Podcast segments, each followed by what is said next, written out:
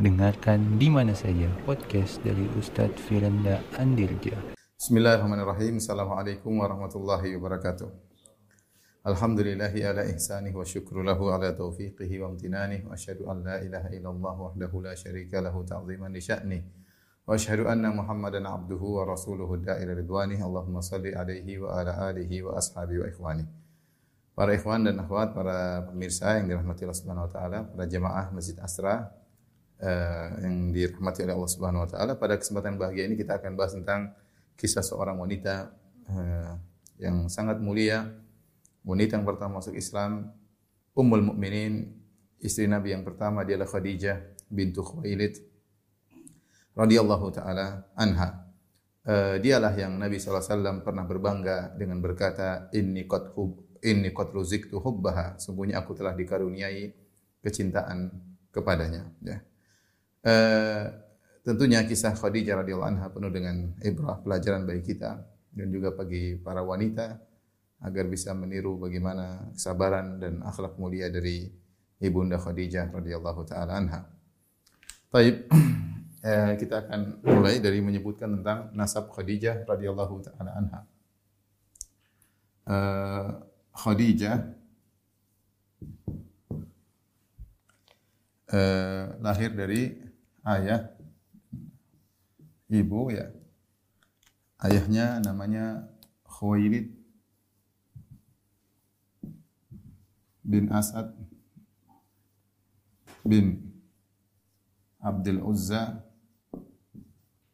bin Qusay bin Kilab dan seterusnya. Adapun ibunya uh, Fatimah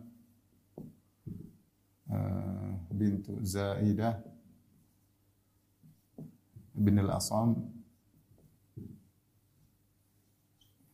yang kembali kepada Lu'ai bin Ghalib.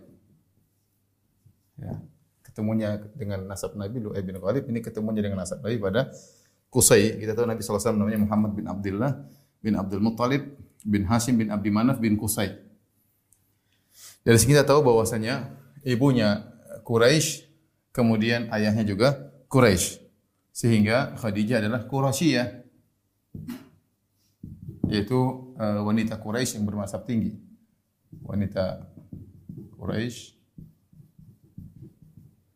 yang bernasab tinggi.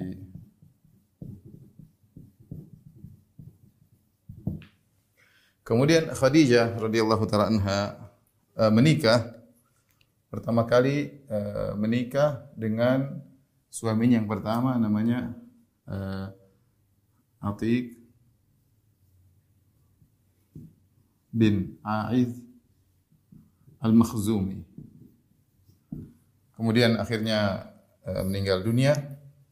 Kemudian Khadijah menikah dengan suami yang kedua namanya Abu ha Abu Hala Abu Hala uh, Ibnu Nabbash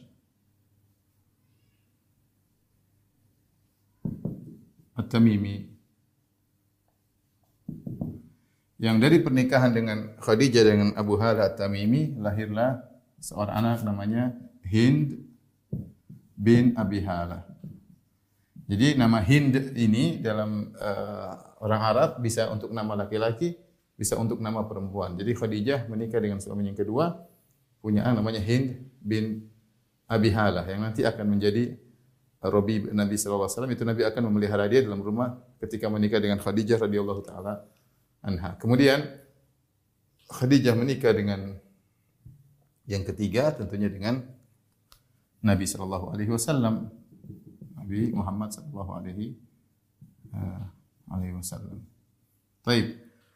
Khadijah radhiyallahu taala anha uh, seorang wanita yang kaya raya, namun dia diberi gelar di antara lakop daripada Khadijah ketika masih di zaman jahiliyah, beliau diberi lakop dengan Tahirah ya. Lakop beliau adalah At-Tahirah. Yaitu wanita suci wanita suci. Disebutkan oleh para ahli sejarah, kenapa beliau dinamakan dengan wanita suci? Karena uh, uh, beliau tidak seperti wanita-wanita yang lain. Yang wanita lain mereka sering kalau malam-malam kumpul-kumpul, kemudian mereka bikin acara nyanyi-nyanyi, kemudian uh, berkumpul dengan saudara-saudara mereka dengan sepupu-sepupu mereka. Adapun Khadijah tidak demikian. Ya, padahal dia nasabnya tinggi dan dia terkenal uh, cantik jelita. Setelah dua suaminya meninggal dunia ini, Atiq bin A'ith al-Makhzumi dan Abu Halah bin Nabbash bin Nabbash at-Tamimi ya. Uh, banyak lelaki yang berkhid mengkhidbah melamar Khadijah radhiyallahu taala anha. Ya, jadi Khadijah memiliki banyak uh, kelebihan ya. Lakab beliau Tahira, kemudian beliau adalah wanita yang cantik jelita yang terkenal cantik. Kemudian beliau juga wanita yang kaya, saudagar. Saudagar kaya. Ya. Tentu hal-hal ini yang berkumpul kepada beliau, tambah lagi kelebihan yang berikutnya, nasabnya tinggi. Ini semua di zaman jahiliyah ya. Jadi beliau memiliki banyak kelebihan uh, akhlak kenal wanita tahira, suci, kemudian terkenal cantik, saudagar kaya, nasabnya tinggi, sehingga banyak laki yang tertarik untuk menikah Khadijah radhiyallahu taala anha. Tetapi Nabi Khadijah radhiyallahu anha setelah suami pertama meninggal, suami kedua meninggal, sepertinya beliau tidak berminat untuk menikah dengan siapa pun dan beliau mempekerjakan karena beliau saudagar, beliau mempekerjakan para laki untuk uh, mudharabah. Jadi uh, mereka membawa barang dagangan Khadijah kemudian diperjualbelikan nanti bagi bagi untung ya itulah yang dikerjakan oleh Khadijah radhiyallahu taala anha sampai akhirnya terdengarlah seseorang sosok ya. Namanya Muhammad bin Abdullah ya. Muhammad bin Abdullah ya. Ya. Terkenal seorang pemuda. Pemuda. Yang bernama Muhammad bin Abdullah. Bernama Muhammad bin Abdullah. Itu Rasulullah sallallahu alaihi wasallam.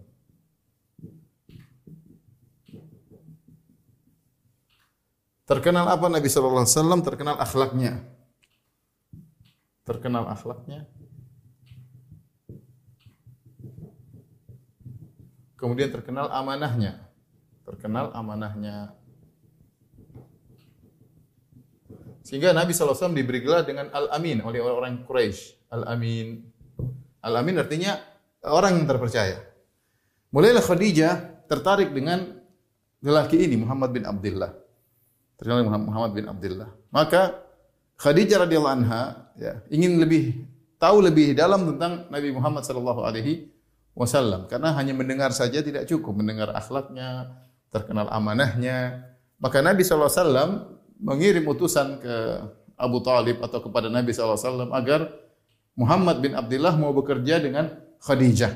Bekerja sebagai apa? Sebagai penjual barang dagangan Khadijah radhiyallahu taala anha. Nanti untungnya di, dibagi dengan kesepakatan di antara uh, Rasulullah dengan uh, Khadijah. Maka Muhammad bin Abdullah lapor kepada pamannya Abu Talib ketika Rasulullah SAW masih bersama pamannya Abu Talib. Dan dia tahu Abu Talib paman Nabi secara nasab tinggi, ke, uh, pamornya tinggi tetapi dia seorang yang miskin. Maka Rasulullah SAW sejak kecil sudah bekerja membantu pamannya. Di antaranya ketika Rasulullah SAW masih kecil Rasulullah SAW kuntu ar'a ghanaman li, li, li uh, ala qararid li ghanam li ghanam min ahli Makkah ya. Aku dulu masih muda aku menggembalakan kambing-kambingnya penduduk kota Mekah untuk dapat upah. Di antaranya untuk membantu pamannya Abu Talib. Ketika ada tawaran untuk bekerja, Rasulullah SAW tertarik ya ingin membantu pamannya menjadi uh, memperdagangkan barang-barang dagangan Khadijah radhiyallahu taala anha. Dan di sini kata para ulama uh, atau ini menunjukkan akan kecerdasan Khadijah radhiyallahu taala anha ya. Jadi Khadijah lalu mengajak Nabi untuk berdagang. Khadijah lalu mengajak Nabi sallallahu alaihi wasallam untuk mudharabah ya, untuk berdagang, mudharabah. Itu modal dari Khadijah yang jual belikan adalah uh, Nabi sallallahu alaihi wasallam ya. Kemudian uh, Nabi sallallahu alaihi wasallam setuju dan Nabi ditemani ditemani oleh ditemani ketika bersafar menuju Syam Karena Nabi SAW berdagang ke negeri Syam, ke negeri Syam. Ketika ditemani oleh Maisarah. Oleh Maisarah. Maisarah ini siapa? Maisarah ini adalah budak uh, budaknya Khadijah. Ini laki-laki ya. Maisarah ini nama laki-laki, ya, budak uh, lelaki Khadijah. Lelaki Khadijah. Jangan disangka Maisarah ini perempuan ya. Subhanallah. Ini dengan ini berarti Khadijah uh, Khadijah akan mengetahui lebih jauh tentang akhlak Nabi ya. Karena akan nampak nampak akhlak Nabi yang sesungguhnya sesungguhnya ya dalam urusan uang uang dan ah dan ketika safar ketika safar. Ini dua hal yang yang, yang membuat Khadijah bisa mengetahui uh, akhlak Nabi ketika urusan uang dan safar. Karena Nabi SAW akan bekerja sama dengan Khadijah masalah duit dan Nabi akan bersafar bersama Maisarah safar yang jauh menuju negeri negeri Syam. Itu safarnya jauh sekali karena dari Mekah dari Mekah ke Madinah saja sudah sekitar 500 kilo, dari Madinah ke negeri Syam sekitar 700 kilo. Jadi safar satu seribu ratusan, seribu lebih, seribu dua ratus, seribu tiga ratus kilo. Ini safar akan nampak akhlak seseorang. Oleh karena ketika ada seorang menjadi saksi di hadapan Umar, kata Umar siapa yang menjadi saksi kepada dia? Kata seorang saya ya Umar, ya Amirul Mukminin, saya menjadi saksi bahwasanya dia seorang yang adil. Kata Umar, apakah kau adalah tetangganya yang kau tahu, tahu yang kau tahu tentang makhrajah wa madkhalahu? Kalau kau tetangganya, kau akan tahu benar akhlaknya. Dia sikoh, terpercaya atau tidak. Kata dia, saya bukan tetangganya. Ya. Apa kau pernah bersafar dengannya? Karena kalau kita bersafar dengan seorang, kita tahu akhlak seseorang. Bagaimana dia mementingkan dirinya sendiri atau tidak, atau dia sabar menunggu yang lainnya atau tidak, dia bekerja sama dalam safar tersebut, kalau susah sama-sama. Ketahuan akhlak seorang tatkala safar, kata dia tidak. Saya tidak pernah bersafar dengannya. Kemudian kata Umar, apakah kau pernah bermuamalah dengan dia dengan dinar dan dirham? Pernah enggak bermuamalah sama duit tentang eh, dengan dia masalah duit? Dia mengatakan tidak. Kata Umar, kalau gitu kau tidak idan antala ta'rifu. Kalau gitu kau tidak kenal orang ini. Nah, kita mengenai mengenal akhlak seorang ketika dia bersafar, ya, bagaimana? Apalagi kita tidur sama dia sekamar, kita tahu bagaimana akhlak dia, kebiasaan dia. Uh, terus terutama kalau kita sudah masalah duit, karena sebagian orang nampaknya akhlaknya bagus, tutur katanya indah, tapi kalau sudah masalah duit sama sekali tidak amanah. Uh, apa namanya licik, kemudian uh, apa namanya jahat dan macam-macamnya, tamak dengan tidak peduli dengan hak orang, nampak. Dan Khadijah radhiyallahu anha benar-benar ingin mengetahui lebih dalam tentang Nabi SAW, maka dia menyuruh Nabi SAW untuk memperdagangkan barang dagangan, tapi dia pasang dalam bahasa kita mata-mata. Siapa Maisarah? Maisarah ini budaknya. Maka setelah berdagang, pulang dari perdagangan, Khadijah tentu tanya Maisarah bagaimana tentang Muhammad sallallahu alaihi wasallam. Maka Maisarah pun cerita dengan cerita yang banyak, maka bertambahlah perhatian Khadijah kepada Muhammad bin Abdullah. Ya, sampai para ahli sejarah mengatakan Ketika Khadijah sudah tertarik dengan Muhammad bin Abdullah, maka Khadijah yang menawarkan dirinya kepada Rasulullah SAW. Hampir seluruh sumber-sumber uh, sirah atau sejarah yang bercerita tentang bagaimana pernikahan Khadijah dengan Muhammad SAW, semuanya menyatakan Khadijah yang menawarkan dirinya kepada Muhammad bin Abdullah. Dan ini melanggar kebiasaan orang-orang Arab. Biasanya orang Arab lelaki yang dia sebelumnya kan dilamar oleh banyak laki, tapi dia tolak.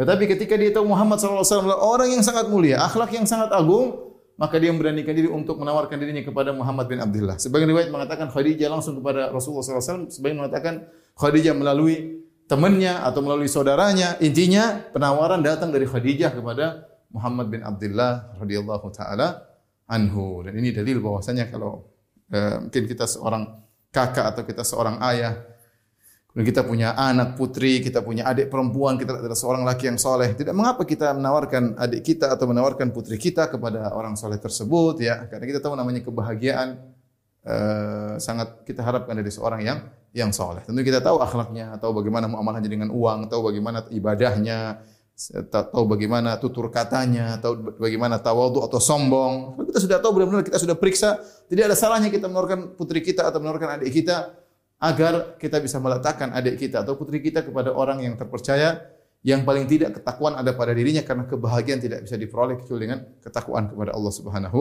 wa taala. Maka terjadilah pernikahan antara Khadijah dengan Rasulullah sallallahu alaihi wasallam. Baik. Uh, pernikahan. Ya. Terjadi pernikahan. Antara dua orang sejoli atau dua eh, kekasih yang sangat mulia, Rasulullah SAW yang memiliki nasab yang mulia, akhlak yang mulia, Khadijah pun demikian, eh, memiliki nasab yang tinggi dan juga akhlak yang mulia. Berapakah umur keduanya ketika menikah?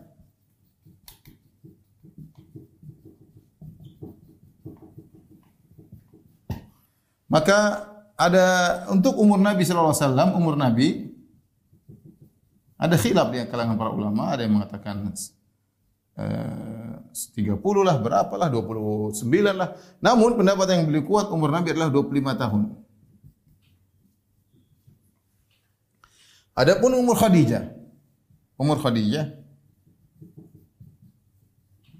Khadijah radhiyallahu taala anha, maka ini juga khilaf beberapa pendapat. Namun pendapat yang terkuat mengkerucut kepada dua dua pendapat, ada khilaf ya. Ada yang mengatakan Khadijah umurnya 40 tahun. Ada yang mengatakan Khadijah umurnya 28 tahun. Dua-dua uh, menyebutkan pendalilan. Adapun yang mengatakan Khadijah umurnya 28 tahun, ini tentu masih muda ya, janda muda 28 masih cantik, masih uh, masih manis, masih 28 tahun ya, 28 tahun ya. Uh, kenapa mereka berdalil kata mereka setelah Khadijah menikah dengan Nabi SAW maka Khadijah melahirkan sekitar lima atau enam anak. Ya. Setelah itu Khadijah melahirkan karena Khadijah melahirkan melahirkan lima atau enam anak. Ada khilaf ya di kalangan para ulama. Kata mereka, seandainya Khadijah umurnya 40, ya, susah 40 melahirkan anak sampai 5 atau 6. Kalau tiap tahun berarti umur 41 melahirkan, 42 melahirkan, taruhlah tiap tahun melahirkan, 43, 44, 45, 45 sulit melahirkan. Belum lagi Fatimah agak belakangan ya. Apakah umur 50 tahun, 47 bisa melahirkan? Menurut mereka ini menguatkan bahwasanya Khadijah menikah umur 28 ya. Bukan bukan 40 tahun karena setelah itu Khadijah akan melahirkan 5 atau 6 orang anak. Kemudian pendapat yang kuat yang mengatakan Khadijah menikah umur 40 tahun.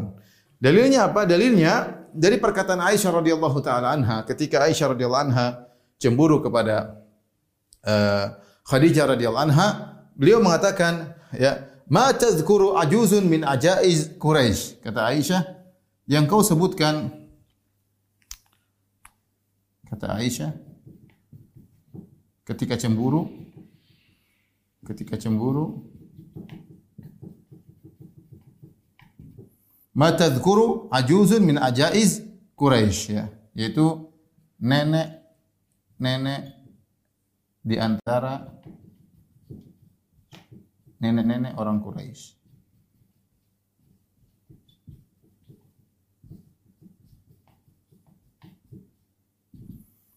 Dan tidak mungkin dikatakan nenek-nenek karena kita tahu eh, Nabi SAW menjalani pernikahan dengan Khadijah selama 25 tahun. Selama 25 tahun. Taib. Kalau Khadijah umurnya 28, kan dia, dia, dia hidup bersama Nabi 25 tahun, berarti 28 tambah 25 berarti Khadijah wafat pada umur 53 dan itu masih ya 53 masih muda lah wanita. Tetapi kalau dia menikah umur 40, kemudian hidup bersama Nabi 25 tahun berarti Khadijah radhiyallahu anha wafat pada umur 65 tahun. Ketika Aisyah mensifati uh, Khadijah dengan nenek, maka kita katakan lebih cocok ini karena kalau lima, meninggal dalam usia 53 tahun belum dikatakan nenek, wanita 53 tahun belum dikatakan nenek, belum dikatakan orang tua, apalagi dalam dalam sebagian riwayat disebutkan Hamra'us Siddiqain yaitu ada ompong Khadijah ompong ya. Ya, dan wanita umur 50-an belum belum ompong ya. ya oleh karenanya Allah alam bisawab pendapat yang lebih kuat berdasarkan riwayat Aisyah radhiyallahu anha bahwasanya Khadijah ketika menikah berusia 40 tahun. Ini yang lebih ini yang lebih kuat. Wallahu alam bisawab ya. Wallahu alam bisawab. Baik. Uh, rumah Nabi sallallahu alaihi wasallam. Kita bicara sekarang rumah tangga Nabi sallallahu alaihi wasallam.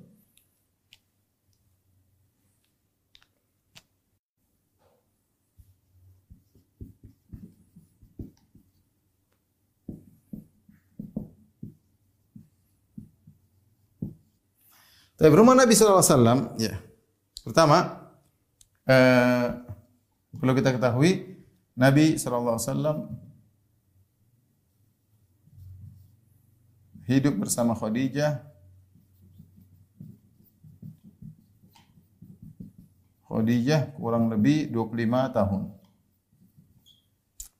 Kemudian anak-anak Nabi anak-anak Nabi sallallahu alaihi wasallam dari Khadijah ada berapa? Ada lima atau enam. Pertama adalah Zainab, ini putrinya yang paling tua radhiyallahu anha. Kemudian Ruqayyah, kemudian uh, Ummu Kulsum,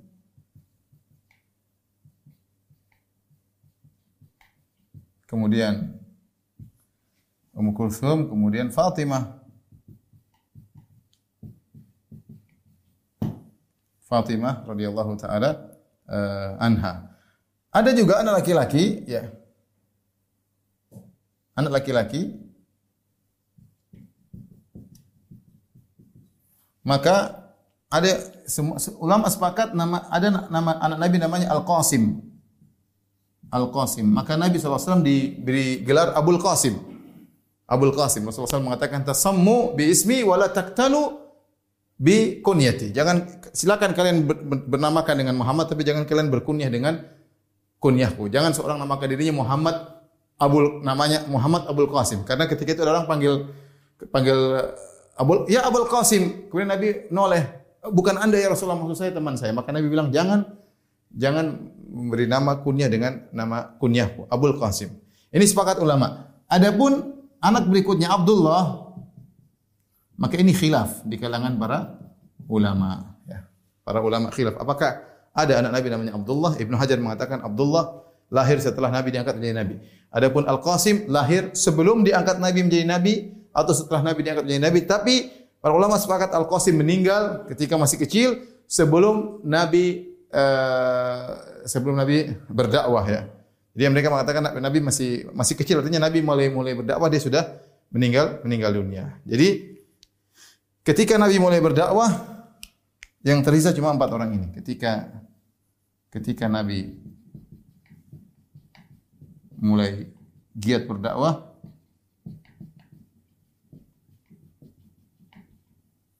hanya tinggal empat orang, empat orang putri. Orang putrinya. Taib. Di rumah Nabi juga ya ada ada beberapa orang beberapa orang yang juga tinggal di rumah Nabi.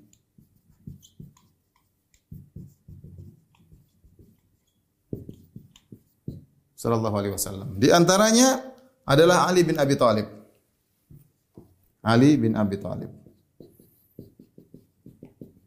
Jadi ketika Nabi SAW uh, menikah dengan Khadijah dan Nabi memiliki rumah dan Nabi memiliki harta karena Khadijah radhiyallahu anha adalah seorang wanita yang kaya raya. Makanya di antara tafsiran para ulama dalam surat Wadduha yang di mana uh, kata Allah alam yajidika yatiman fa'awa wajadaka dhalam fahada wa wajadaka ailan fa'aghna. Bukankah Allah mendapati engkau dalam kondisi yatim?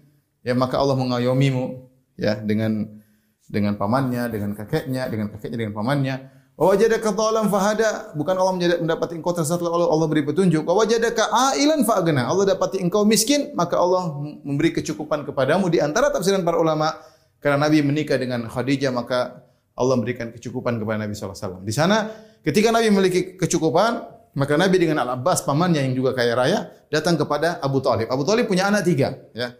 Uh, di antaranya ketika itu ada uh, ada ada juga Talib ya Talib kemudian ada Ja'far, ada Akil dan ada Ali ya. Maka Nabi mengatakan, "Ayo uh, Abbas kita bantu paman kita." Ya atau membantu pamanku Abu Talib. Akhirnya mereka minta agar merawat anak-anaknya Abu Talib. Maka Abu Talib memberikan Ali kepada Nabi untuk dirawat. Kemudian Ja'far diberikan kepada Al-Abbas bin Abdul Muttalib. Adapun Aqil dan Talib tetap berada pada eh, Abu Talib. Jadi Ali bin Abi Thalib juga tinggal di rumah Nabi wasallam. Di antara orang yang tinggal juga bersama Nabi wasallam adalah Zaid bin Harithah. Ini sudah kita jelaskan. Zaid bin Al bin Harithah. Ya, kita sudah jelaskan siapakah Zaid bin Harithah adalah budak yang dibelikan oleh Hakim bin Hizam, ponakannya Khadijah, diberi hadiah kepada Khadijah. Ya. Setelah diberikan hadiah Zaid bin Harithah kepada Khadijah, artinya Khadijah memberikan hadiah kepada Nabi SAW. Jadi Zaid juga tinggal bersama Nabi SAW. Di antaranya yang tinggal bersama Nabi adalah Hind bin Hind bin Abi Hala. Hind bin Abi Hala. Ya. Siapa Hind bin Abi Hala? Anaknya Khadijah ini tadi saya sebutkan. Hind bin Abi Hala. Ketika Khadijah menikah dengan Abu Hala punya namanya Hind bin Abi Hala. Ya, Hind bin Abi Hala ini juga menjadi anak uh, tirinya Nabi Shallallahu Alaihi Wasallam. Dan ini juga tinggal di rumah Nabi Shallallahu Alaihi Wasallam. Jadi Nabi punya uh, banyak yang diurus oleh Rasulullah Sallallahu Alaihi Wasallam. Di antara juga disebutkan adalah uh, Ummu Aiman juga yaitu uh, hadinat Nabi Sallallahu Alaihi Wasallam, pengasuh Nabi Sallallahu Alaihi Wasallam juga tinggal bersama Nabi Sallallahu Alaihi Wasallam. Inilah gambaran rumah uh, Rasulullah Sallallahu Alaihi Wasallam. Taib. Uh, kita hapus dulu. Ri, tolong hapus. Tolong difoto dulu, difoto.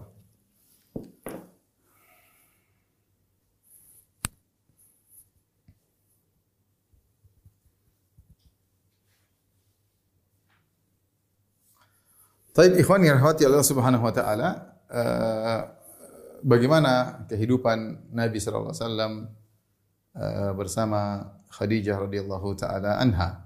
Jadi Khadijah radhiyallahu taala anha hidup bersama Nabi sallallahu alaihi wasallam dengan penuh kebahagiaan. Khadijah seorang wanita yang berakhlak mulia, kemudian hidup bersama Rasulullah sallallahu alaihi wasallam yang juga memiliki akhlak yang sangat mulia. Mereka menjalani kehidupan mereka tahun demi tahun ya. Uh, sampai akhirnya uh, Rasulullah SAW tiba saatnya Rasulullah SAW menerima wahyu, yaitu Rasulullah SAW menerima wahyu ketika usia beliau 40 tahun, yaitu 15 tahun setelah menikah dengan Khadijah radhiyallahu taala anha. Ya. Uh, maka uh, Nabi SAW diawali dengan mimpi-mimpi. Uh, Rasulullah diberi tanda-tanda dengan mimpi. Rasulullah SAW melihat mimpi yang sangat jelas. Ya, uh, ru'yatun sadiqah. Ya, Rasulullah melihat dengan mimpi yang benar, sangat jelas, seperti cahaya yang terang. Ya.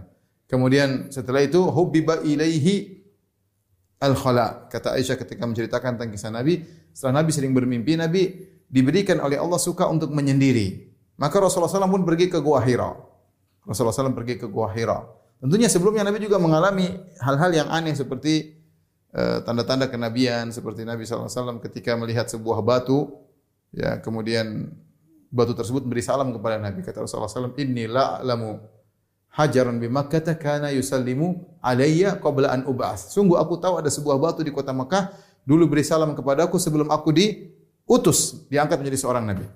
Intinya eh, Nabi sallallahu alaihi wasallam uh, ketika itu di, di, di, dijadikan suka dengan menyendiri, maka Rasulullah SAW pun pergi ke gua Hira. Sebelum Nabi pergi ke gua Hira, Nabi minta bekal dari Khadijah radhiyallahu anha dan Khadijah sangat sayang kepada suaminya ya. Dia tahu bagaimana akhlak nabinya, dia, suaminya, dia tahu bagaimana perangai suaminya dan dia ingin apa yang Rasulullah inginkan dia dukung. Dia apa yang Rasulullah inginkan dia dukung. Bahkan ketika suaminya ingin pergi ke tempat yang jauh untuk menyendiri, maka Khadijah mendukung dia bikinkan makanan, dia kirim kepada dia suruh Nabi bawa kalau makanan sudah habis, Nabi turun, minta lagi ambil bekal kepada Khadijah. Dan semua itu Khadijah tidak pernah protes, tidak pernah mengatakan, "Mas, Mas ngapain kamu ke sana? Mas sudah kamu menyendiri di sini aja di rumah, saya temani." Tidak, dia pokoknya apa yang menyenangkan Nabi, dia sabar. Nabi pergi lagi kalau bekal sudah habis minta lagi kepada Khadijah. Bahkan dalam sebagian riwayat disebutkan Khadijah pernah menemani Nabi. Ikut kepada Nabi SAW untuk menemani Nabi di ketika menyendiri di di atas. Dan demikian terus ya. Dan Khadijah bersabar dengan apa yang dilakukan oleh suaminya. Tidak pernah protes sedikit pun. Tidak pernah mengangkat suaranya sedikit pun. Sampai akhirnya datanglah malaikat Jibril kepada Rasulullah sallallahu alaihi wasallam kemudian berkata Iqra ya sebagaimana kisah yang masyhur dalam Sahih Bukhari dan yang lainnya wahai Muhammad bacalah kata Rasulullah ma ana biqari aku tidak bisa baca kata kata Jibril kepada meluk Nabi melepas Nabi. Ma ana bi Iqra, bacalah. Kata Rasulullah, ma ana bi Aku tidak bisa baca. Jibril kemudian menekan Nabi sampai Nabi hatta balagha minal jahd. Aku tidak bisa bernapas untuk bernapas. Fa arsalani. Kemudian malaikat Jibril melepaskan aku kembali. Nah, malaikat malaikat Jibril berkata lagi, "Iqra, bacalah." Kata Nabi, "Ma ana biqari." Saya tidak bisa baca sama sekali. Akhirnya Jibril menuntun, "Iqra bismi rabbikal ladzi khalaq." Khalaqal insana min 'alaq. Iqra wa rabbukal akram alladzi 'allama bil qalam. 'Allamal insana ma lam ya'lam. Ketika mendengar surat Al-Alaq, Nabi mengikutinya, kemudian Nabi pulang turun dari gunung menuju rumah Khadijah dengan ketakutan. Gemetar Rasulullah SAW. Ketika sampai di rumah, langsung Rasulullah SAW berkata, Zammiluni, zammiluni, selimuti aku, selimuti aku. Fazammaluhu. Khadijah langsung menyelimuti suaminya. Kata para ulama di antara perangai baik dari Khadijah, Khadijah tidak bertanya-tanya kepada suaminya. Suaminya ingin diselimuti, dia segera nurut, tidak bertanya-tanya, tidak mengatakan, Mas, tunggu dulu. Apa dulu, Mas? Kenapa? Ada apa? Ada apa gerangan? Cerita dulu, Mas. Ambilkan selimut. Nanti, nanti, tunggu. Tidak. Khadijah tidak bilang demikian. Disuruh ambil selimut, langsung ambil selimut. Zambilu nih, selimuti aku. Dia diam. Sampai akhirnya Rasulullah SAW tenang, baru Rasulullah SAW berkata, Laqad khashitu ala nafsi. Aku khawatir suatu keburukan menimpa diriku. Kenapa? Rasulullah SAW heran apa yang terjadi selama ini.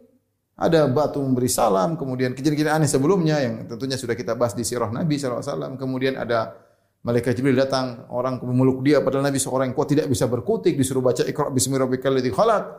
Rasulullah mengatakan laqad khasitu ala nafsi, aku khawatir suatu keburukan menimpa diriku. Lihat apa kata Khadijah radhiyallahu taala anha menenangkan suaminya.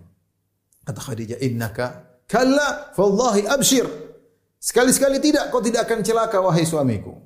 Bergembiralah, innaka latasilur rahim. La yukhzikallahu abada. Allah tidak akan menghinakan engkau selamanya wahai suamiku. Kenapa? Innaka latasilur rahim. Engkau senantiasa menyambung silaturahmi.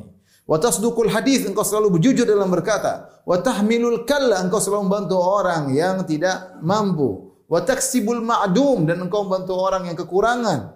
Yang kekurangan engkau bantu, yang taksibul ma'dum yang tidak bisa punya penghasilan kau bantu. Wa takrid dhaif engkau suka menjamu tamu. Wa tu'inu ala nawaibil haq dan engkau suka membantu orang yang terkena bencana. Orang seperti engkau seperti ini tidak mungkin dihinakan oleh Allah Subhanahu wa taala. Ini Khadijah mengucapkan kata-kata indah ini bukan wahyu. Karena Rasulullah baru saja jadi nabi tidak ada yang kasih wahyu kepada Khadijah. Tapi Khadijah wanita yang cerdas dia melihat pengalaman Pengalaman yang terjadi sunnatullah yang berlaku kalau orang berbuat baik kepada orang lain dia tidak akan dihinakan oleh Allah Subhanahu wa taala. Maka dia berkata demikian untuk menangkan hati suami jadi mengatakan kalla fallahi abshir la yukhzikallahu abada. Sekali-sekali jangan kau khawatir suamiku Allah tidak akan menghinakan menghinakan engkau selamanya. Allah tidak akan mencelakakan engkau selamanya. Kenapa? Engkau suka menyambung silaturahmi, engkau suka jujur dalam berkata, engkau membantu orang yang kekurangan, engkau membantu orang yang tidak mampu, engkau suka menjamu tamu dan engkau suka membantu orang terkena musibah. Orang seperti engkau tidak akan dihinakan oleh Allah Subhanahu wa taala. Dengan demikian Nabi pun menjadi tenang. Dan inilah peran seorang istri yang soleha. Ketika suaminya dalam kondisi gelisah, suaminya dalam kondisi uh, bimbang, maka dia tenangkan, dia tenangkan. Kalau perlu dia menyebutkan sebagian hal-hal yang menenangkan agar suaminya tidak tidak down, ya. ya. Makanya kalau misalnya suami, suami pulang dari kantor, Kemudian marah, itu si fulan kurang ajar itu. Dia bilang saya gini-gini. Suami istri yang soleha, tenang mas, sabar mas, ini sudah takdir, tenang mas. Ditenangkan. Bukan malah memprovokasi suaminya. Siapa mas?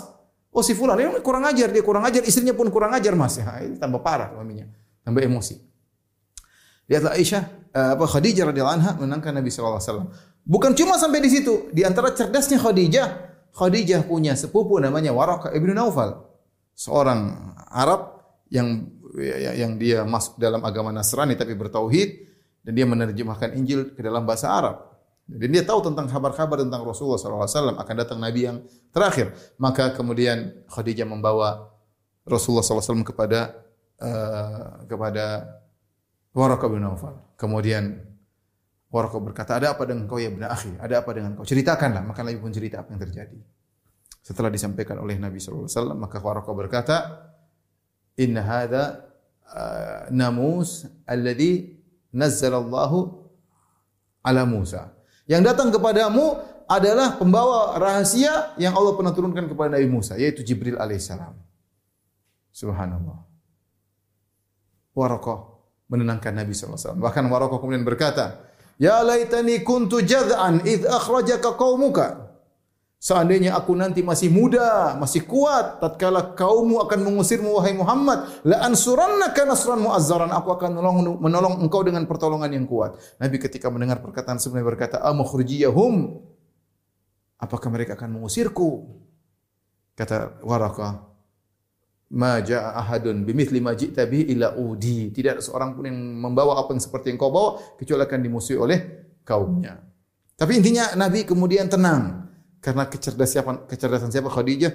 Khadijah menerangkan, kemudian Khadijah pun mengangkat uh, apa namanya? memotivasi Nabi agar tidak suudzon kepada Allah Subhanahu wa taala. Kemudian Khadijah pun bawa Nabi kepada Waraqah bin Nawfal. Setelah itu Nabi pun mulai berdakwah. Ternyata Waraqah tidak lama kemudian meninggal meninggal dunia. Maka mulailah Rasulullah sallallahu alaihi wasallam uh, berdakwah dan Khadijah memberikan semua yang dia miliki untuk Nabi SAW. Semua hartanya dia berikan untuk Nabi Shallallahu Alaihi Wasallam. Kita akan jelaskan bagaimana peran Khadijah radhiyallahu taala anha. Ya.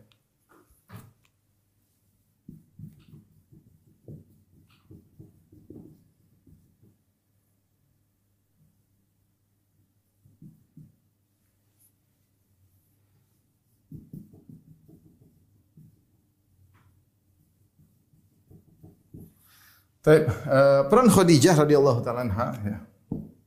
Ini peran yang uh, paling utama di antaranya adalah ya menenangkan Nabi sallallahu alaihi wasallam. Hati Nabi Nabi sallallahu alaihi wasallam kalau ada masalah. Dan ini uh, perlu diperhatikan oleh para para wanita ya.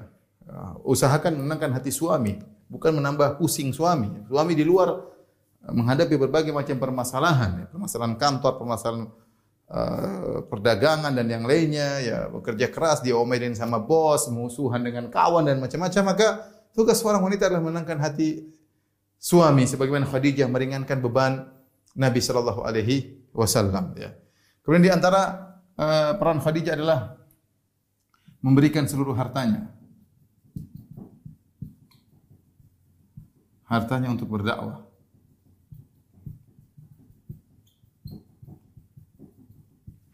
Untuk berdakwah. Semua hartanya dia berikan kepada Rasulullah SAW untuk apa? Untuk berdakwah. Kemudian Khadijah, ya. Sebelumnya adalah wanita pertama yang masuk Islam. Bukan wanita, bahkan orang pertama yang masuk Islam. Orang yang pertama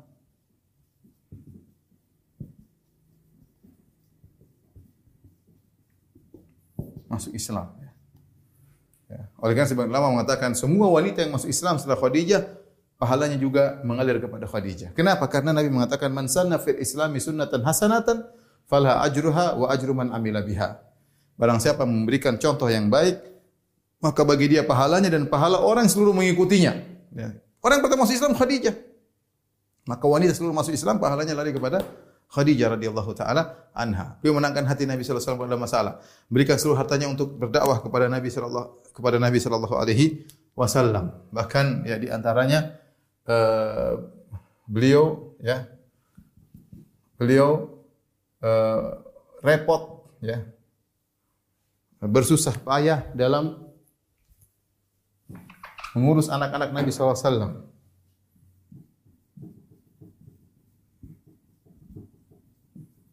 Mengurusi anak-anak Nabi sallallahu alaihi wasallam, anak-anak Nabi sallallahu alaihi wasallam. Ya. Kemudian juga uh, dari sini kita tahu bahwasanya seluruh anak ya seluruh anak Nabi anak-anak Nabi dari Khadijah. Ya, tadi sudah kita bahas kecuali kecuali Ibrahim Ibrahim dari Nabi punya anak namanya Ibrahim yang meninggal juga ketika masih kecil dari Maria Al-Qibtiyah. Maria Al-Qibtiyah.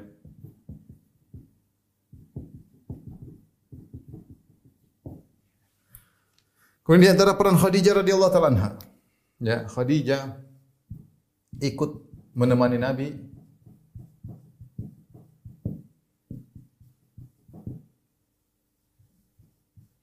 ketika wasallam ketika Bani Hasim Bani Hashim diboykot dan ini terjadi tiga tahun ya diboykot ya.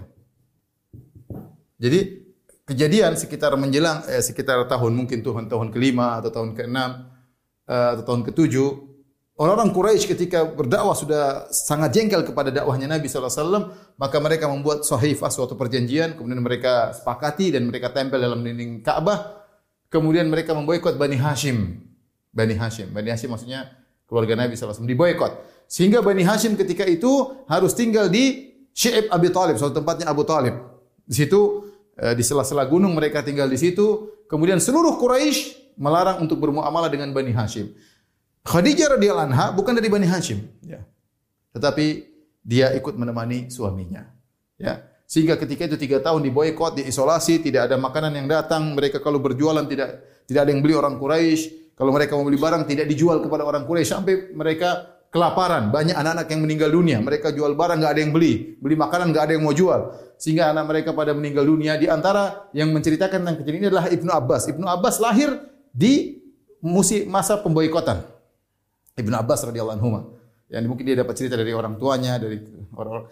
Tetapi intinya uh, sampai ketika itu saat bin Abi Waqqas kencing, kemudian saking laparnya ketika dia kencing dia mendengar bunyi tak tak tak. Apa itu ada bunyi dari tetesan kencingnya? Ternyata dia memegang ada suatu kemudian dia cek ternyata kulit kulit yang sudah kering kena kencingnya kemudian dia bersihkan. Setelah dibersihkan dia jemur jadi kering kemudian dia hancurin kemudian dia campur dalam minum agar minumannya ada rasanya dan dia kuat selama tiga hari dengan bekas kulit kering yang pernah dia kencingi oleh Sa'ad bin Abi Waqqas radhiyallahu taala anhu. Intinya Khadijah menemani suaminya dalam pemboikotan tersebut. Ya. Oleh karenanya ketika itu Khadijah dibantu oleh siapa? Oleh ponakannya yaitu Hakim bin Hizam. Hakim bin Hizam bawa makanan kepada Khadijah radhiyallahu anha dikirim makanan ya. Kalau sudah kalau makanan dikirim Hakim bin Hizam Quraisy dan dia kafir musyrik. Tapi dia sayang kepada Khadijah karena dia tahu Khadijah sedang diboikot bersama Nabi, maka dia kirim makanan. Dia kirim makanan terus dikirim pakai onta. Suatu ketika Hakim bin Hizam mengirim makanan, ketahuan sama Abu Jahal. Abu Jahal pun marah. Kenapa kau kirim makanan? Ya, kita sedang memboikot Bani Hashim.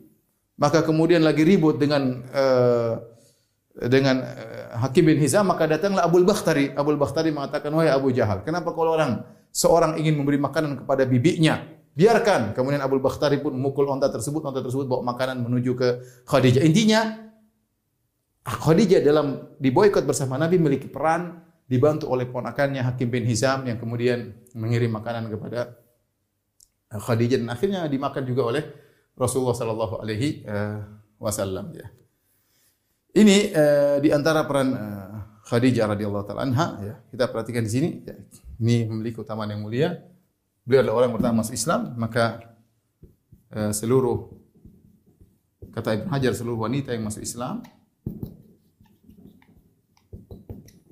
setelahnya maka pahalanya pahalanya juga untuk Khadijah. Ya untuk tentang berbicara tentang Rasul yang pertama kali memberi anak, yang pertama kali membenarkan, yang pertama uh, yang yang ber, yang berda, memberikan seluruh hartanya dalam dakwah.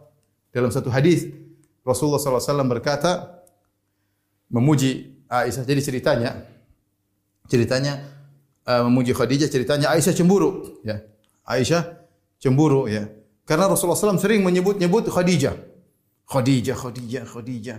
Rasulullah ah, Khadijah sudah meninggal dunia. Ini di antara kecemburuan Khadijah. Jadi di antara hadis-hadis yang menunjukkan kecemburuan Khadijah karena Nabi terlalu perhatian sama Khadijah. Apa kata Aisyah radhiyallahu taala anha? "Ma ghirtu ala ahadin min nisa'in Nabi sallallahu alaihi wasallam ma ghirtu ala Khadijah wa inilah ma ra'aituha." Aku tidak pernah cemburu kepada seorang wanita seperti kecemburuanku kepada Khadijah, pernah aku enggak pernah lihat.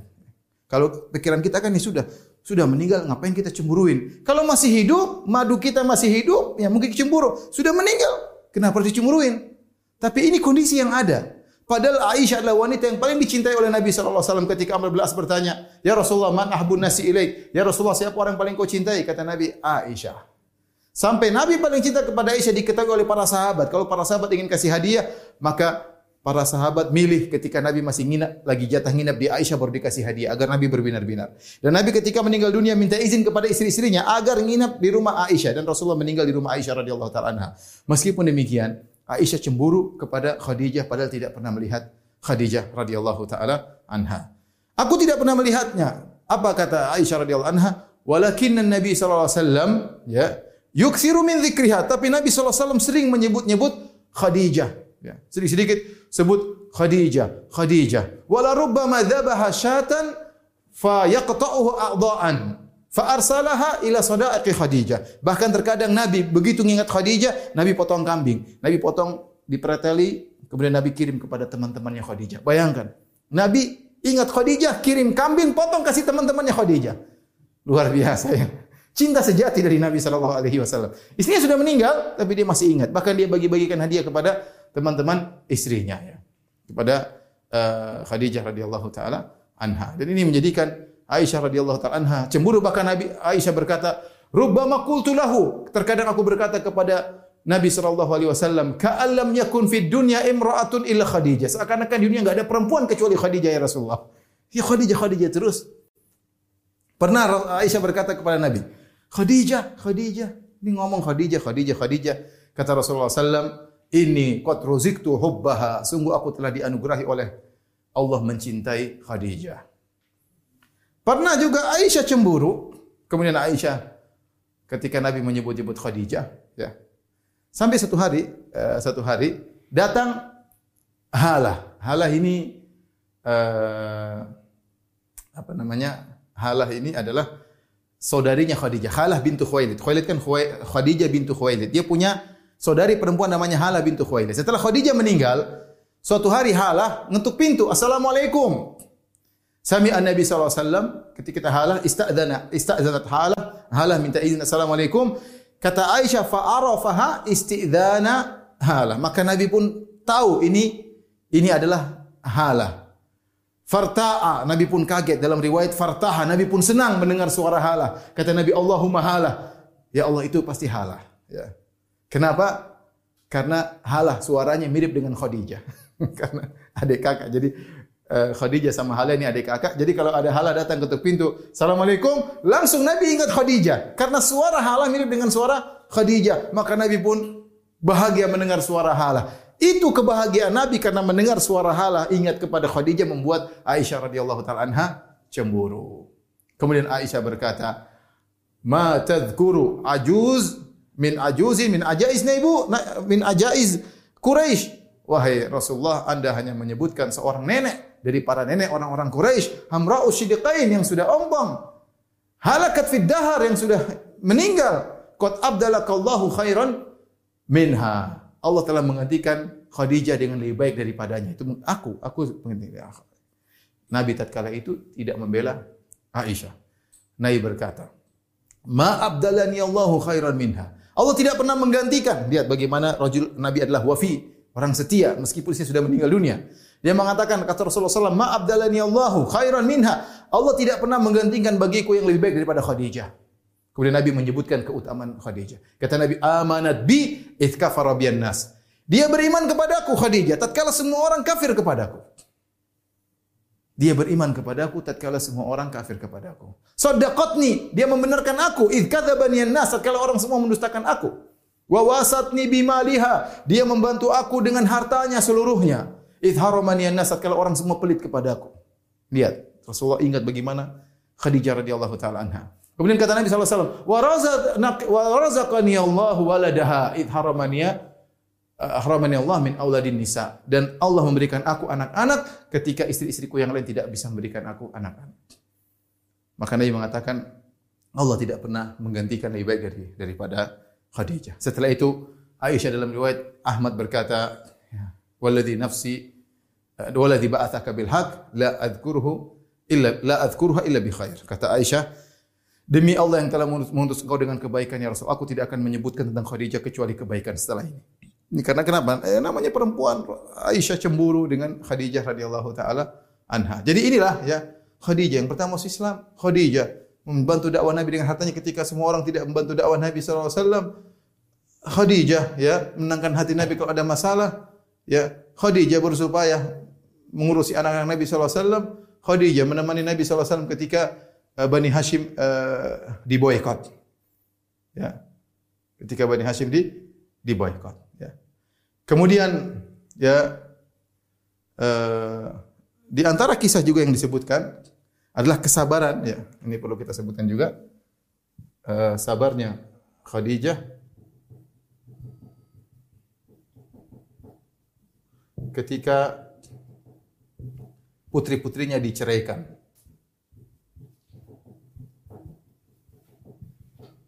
Jadi ketika Nabi sebelum berdakwah, ya sebelum berdakwah, Nabi punya anak-anak sebelum berdakwah, sebelum Nabi sebelum Nabi diut, diangkat menjadi Nabi, menjadi Nabi, putri-putrinya sudah menikah. Tiga putrinya sudah menikah. Tiga putrinya sudah menikah. Yang belum cuma Fatimah. Tiga putrinya sudah menikah.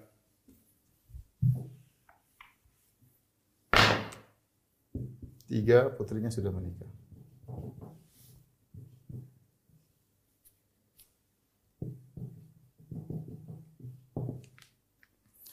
Di antaranya ya, pertama uh, Zainab.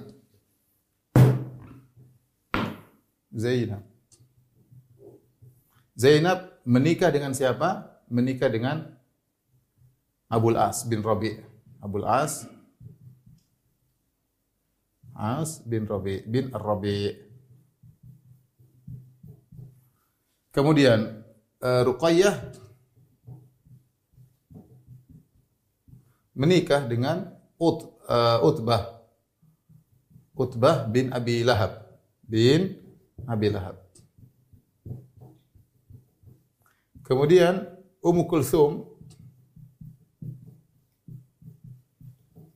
menikah dengan Utaibah bin Abi Lahab. Ini sepupu karena Abu Lahab pamannya Nabi sallallahu alaihi wasallam.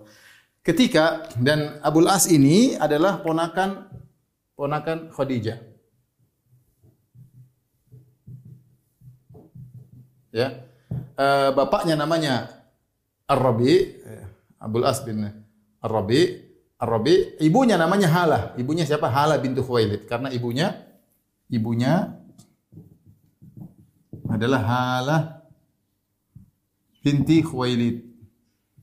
Jadi uh, saudaranya saudaranya uh, Khadijah. Oleh karenanya para ulama menyebutkan bahwasanya pernikahan antara Zainab dengan Abdul As adalah atas isyarat dari Khadijah. Khadijah yang bisikan kepada Nabi ya Rasulullah nikahkan putri kita Zainab dengan ponakanku Abdul As bin Rabi. Ketika dakwah berjalan, ketika dakwah berjalan, maka ya orang-orang Quraisy datang kepada mantu-mantu Nabi semuanya datang kepada Abu As, datang kepada Utbah, datang kepada Utaibah. Kemudian mereka mengatakan kepada mantu-mantu Nabi, ceraikan putri-putri Nabi seluruhnya. Apa maksud mereka? Agar Nabi dan Khadijah pusing, putri-putrinya jadi janda semua. Dan ini membuat Nabi bisa berhenti dari dakwahnya karena ternyata dakwahnya bikin masalah. Putri-putrinya jadi janda. Maka mereka datang kepada Utbah bin Abi Lahab. Wahai Utbah, ceraikan Ruqayyah putri Muhammad. Kalau kau ceraikan, kau minta nikah sama wanita mana siapa saja. Itu ada wanita cantik. Kalau kau mau kita kasih. Akhirnya dia ceraikan. Mereka kata kepada Utaibah bin Abi Lahab, "Wahai Utaibah, ceraikan Ummu Kulsum, sepupumu, ceraikan. Kalau kau mau ceraikan, kami akan nikahkan kau dengan si fulana, cantik jelita." Maka diceraikan. Jadilah Ruqayyah janda, Ummu Kulsum janda. Kemudian dan kata Allah, kata para ulama, Allah menyelamatkan Ruqayyah dan Ummu Kulsum. Akhirnya Ruqayyah menikah dengan Utsman. Setelah itu Ruqayyah meninggal dunia menikah Ummu Kulsum dengan Utsman bin Affan. Mereka datang kepada Abu As. Abu As ceraikan Zainab. Tetapi Abu As tidak mau. Abu As tidak tidak mau. Tetapi maksud saya, tentu ketika Ruqayyah diceraikan, Ummu Kulsum diceraikan, jadi bahan pembicaraan di kota Mekah, yang ikut sedih siapa? Khadijah radhiyallahu anha, ibu mereka. Mungkin lebih sedih daripada Nabi sallallahu alaihi wasallam. Tetapi Khadijah bersabar ya. Oleh karenanya dalam satu hadis uh, yang menunjukkan bagaimana Allah membalas kebaikan Khadijah ketika uh, ketika Jibril datang kepada Nabi sallallahu alaihi wasallam. Jibril berkata, "Ya Rasulullah, hadhihi Khadijah atatka ma'aha ina'un fihi idam au ta'amun au syarab. Wahai Rasulullah, sungguhnya Khadijah akan datang menemuimu dan dia membawa sebuah tempat isinya makanan atau sayur atau yang semisalnya. Fa idza atatka, kalau dia datang kepada engkau, ya, fa akri alaiha salam min rabbiha, maka sampaikan bahwasanya Allah kirim salam kepada dia. Wa minni dan dari Jibril.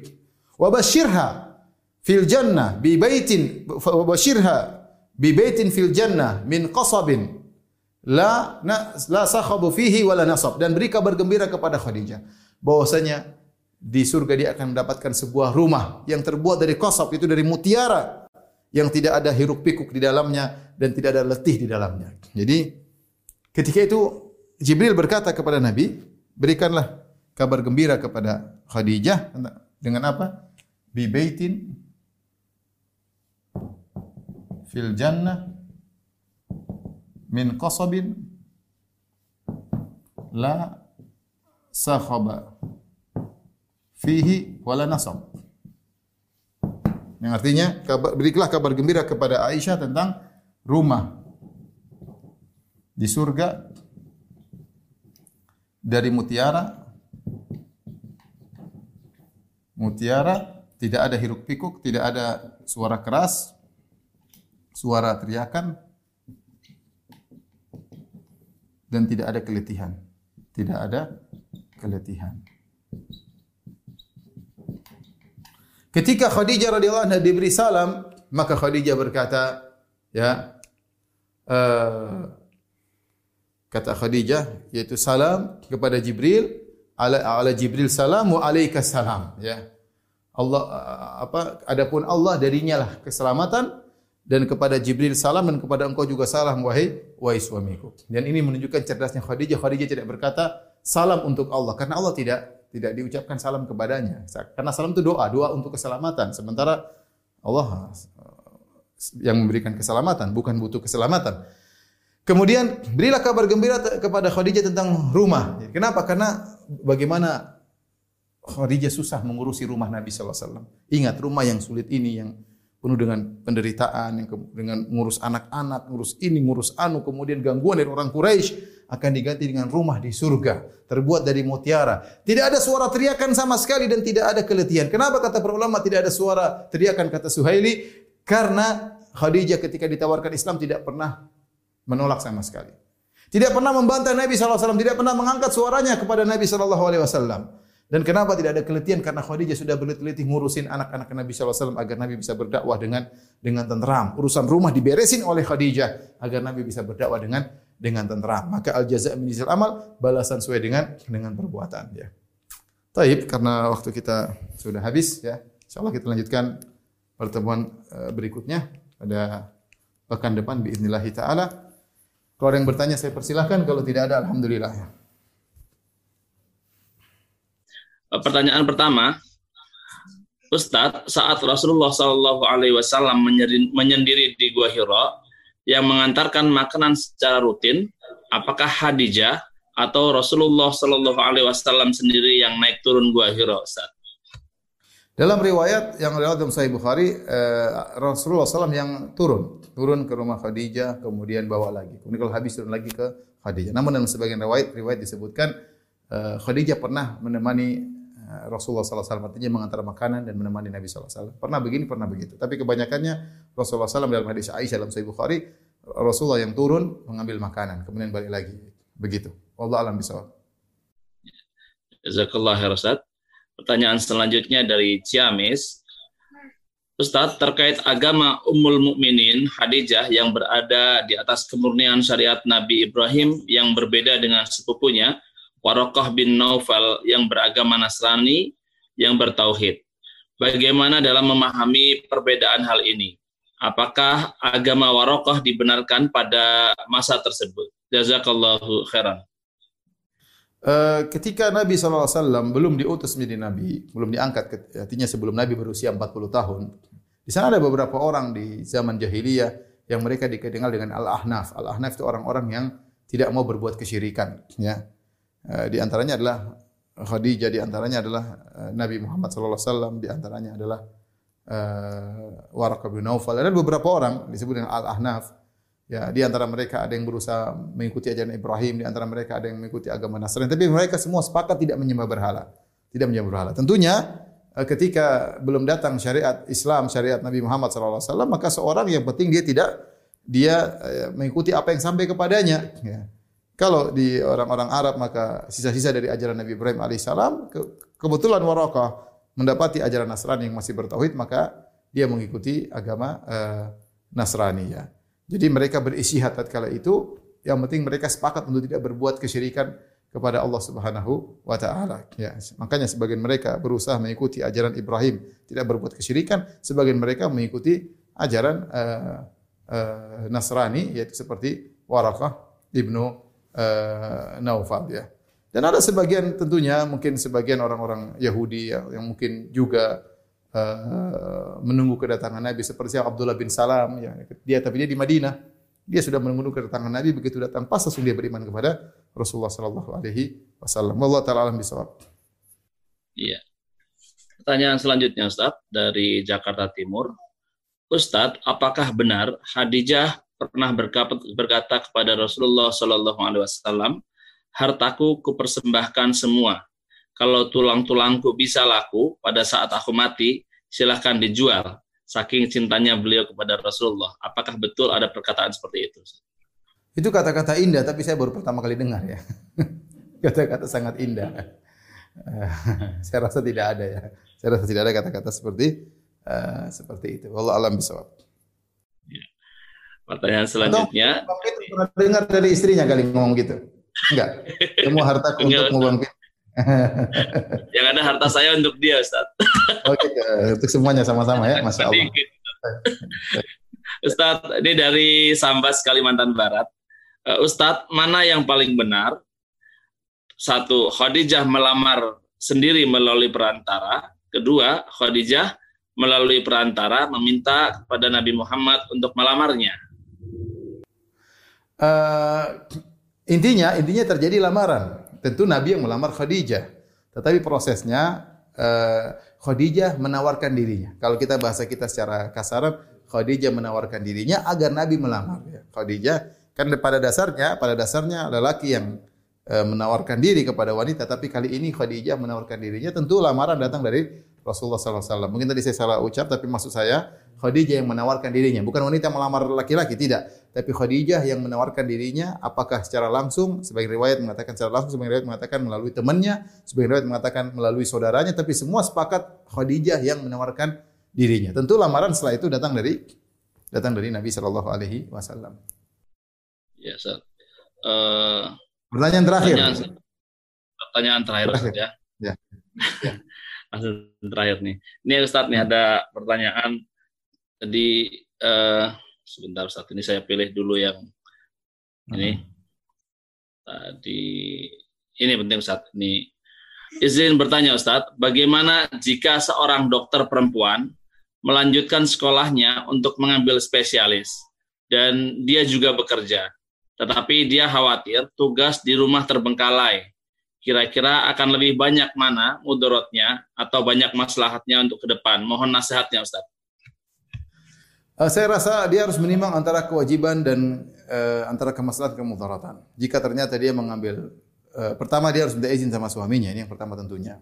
Yang kedua dia harus menimbang masalah dan mudarat. Kalau ternyata dia mengambil spesialis, anaknya terbengkalai, anak-anaknya kemudian menjadi anak berandal, nakal, maka tidak usah mengambil spesialis. Menyelamatkan agama anak lebih utama. Tetapi kalau ternyata kita tahu bahwasanya ini hanya beberapa tahun, dua atau spesialis dua tahun, Kemudian ini ilmu yang dibutuhkan oleh masyarakat kaum muslimin, harus butuh seorang wanita yang pakar dalam hal ini. Maka bisa jadi itulah fardu fardu kifayah bisa jadi. Saya tidak tahu ilmu apa yang dipelajari. Kalau diniatkan untuk Islam karena ini ilmu penting, banyak kaum muslimat, wanita muslimat yang butuh dengan pakar dalam bidang ini, maka dia perhatikan ini masalah besar, maka mungkin dia perlu kerjasama sama suaminya, carikan membantu yang urus. Begini diatur, yang penting dia bisa nimbang mana yang lebih maslahat. Tapi saya katakan tadi, seandainya kalau dia ternyata uh, sekolah spesialis ternyata anaknya terbengkalai jadi kacau berandal dan yang lainnya maka tidak usah ambil spesialis ya karena amanah anak-anak yang Allah bebankan kepada kita sangat berat.